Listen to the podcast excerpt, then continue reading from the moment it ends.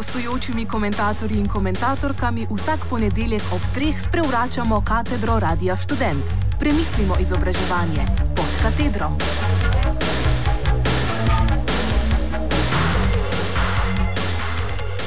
Kaj ostaja od skolaj?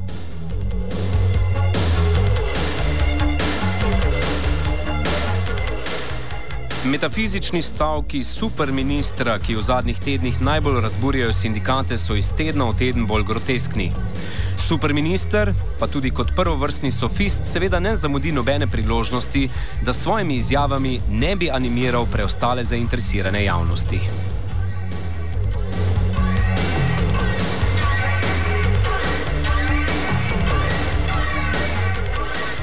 Tako si ne moremo pomagati, da ne bi spremljali njegovega asocialnega tvitanja ali njegovih veleumnih mukanj na blogu, ki ga je poimenoval z besedico čas opis.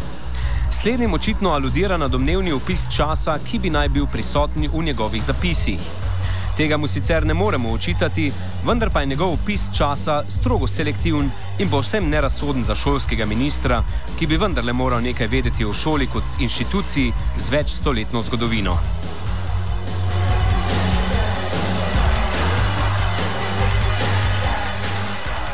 Toda nasprotno. Superminister s svojimi zapisi dokazuje, da mu je prav malo mar za zgodovino šole kot inštitucije in kar je še huje, da slednje očitno sploh ne pozna.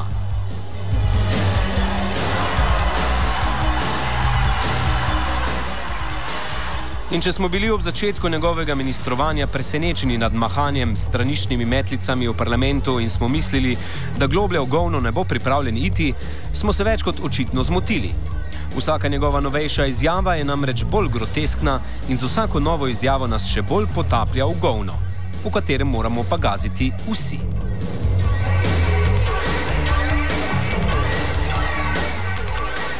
To, da pustimo zaenkrat ob strani njegove pretekle izjave. Tudi tisto, ko je z ironičnim izrazom na obrazu kulturnike pozival k temu, da naj vendarle prenehajo jedikovati nad finančno deprivacijo kulture in da naj ki sodo iz krize raje prispevajo optimizem, ki države ničesar ne stane.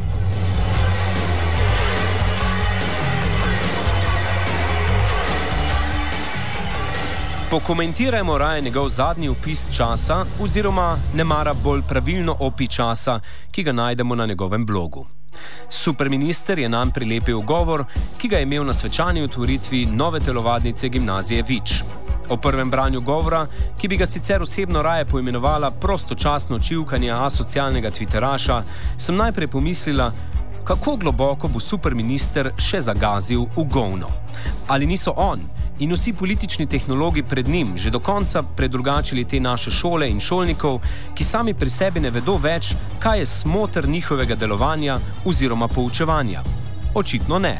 Potrebna so še njihova neskončna natovcevanja v formi čivkanja stavkov v bistvu šole, ki nimajo nikakršne zgodovine. Ali smo torej izgubili tudi zgodovino?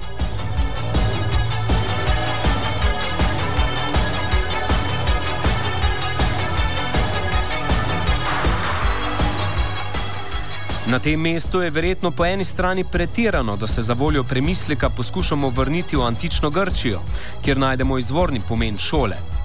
Tako lahko ugotovimo, da besedica šola izvira iz starogrške besede skol aj, ki je pomenila odmor od dela. Pomenila je odmor od življenjske nuje, ki so jo starogrški državljani kot takšno najmanj cenili. Najmanj so čislali upravljanje dela, ki ni bilo samo smotrno in so v življenju torej potrebovali tudi nekaj, kar jim je omogočilo premišljevanje in kot takšno ni bilo podvrženo nikakršni nujnosti.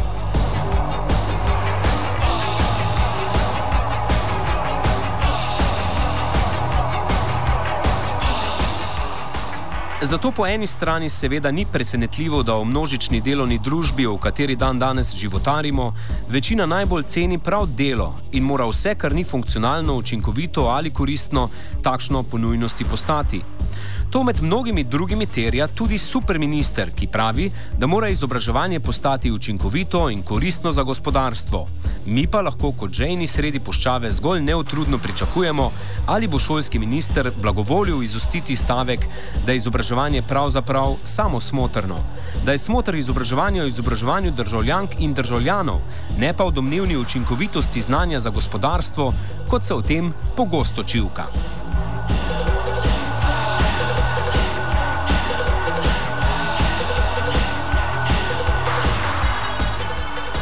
Posledica opija sodobne kvazi-pedagoške metafizike izobraževanja so tako polizobraženi državljani in državljanke, če upoštevamo razmišljanja Adorna izpred pol stoletja, oziroma pravilneje, posledica so neizobraženi državljani in državljanke, če beremo Konrada Pavla Lismana.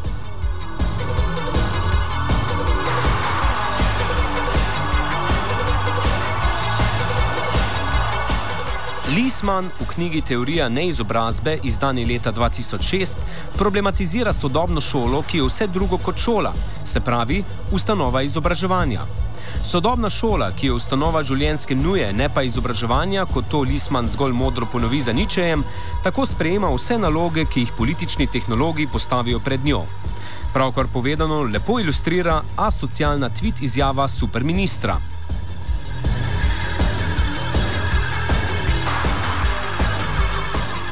Ki jo citiramo. Delo mimo pouka je pomembno. Svet se spreminja.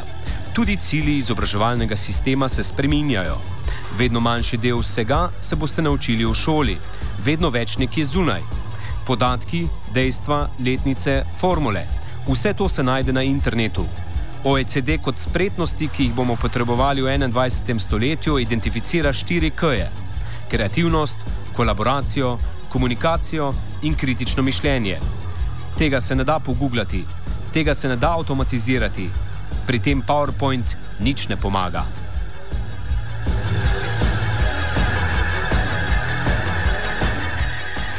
Rutinska pisarniška delovna mesta, ki so ostajala pod povprečnim gimnazijcem, izginjajo najhitreje.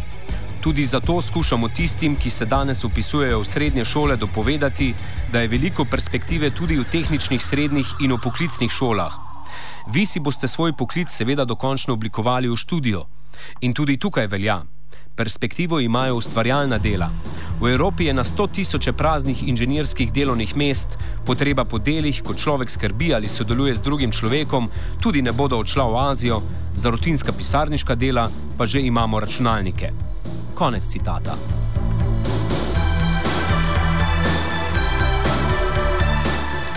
Kaj torej ostaja od skolaja v sodobni šoli? Če že je ali šel, bo postala, se upravičujem, ali šele bo postala vse to, kar nam pravi superminister. Pravzaprav nič.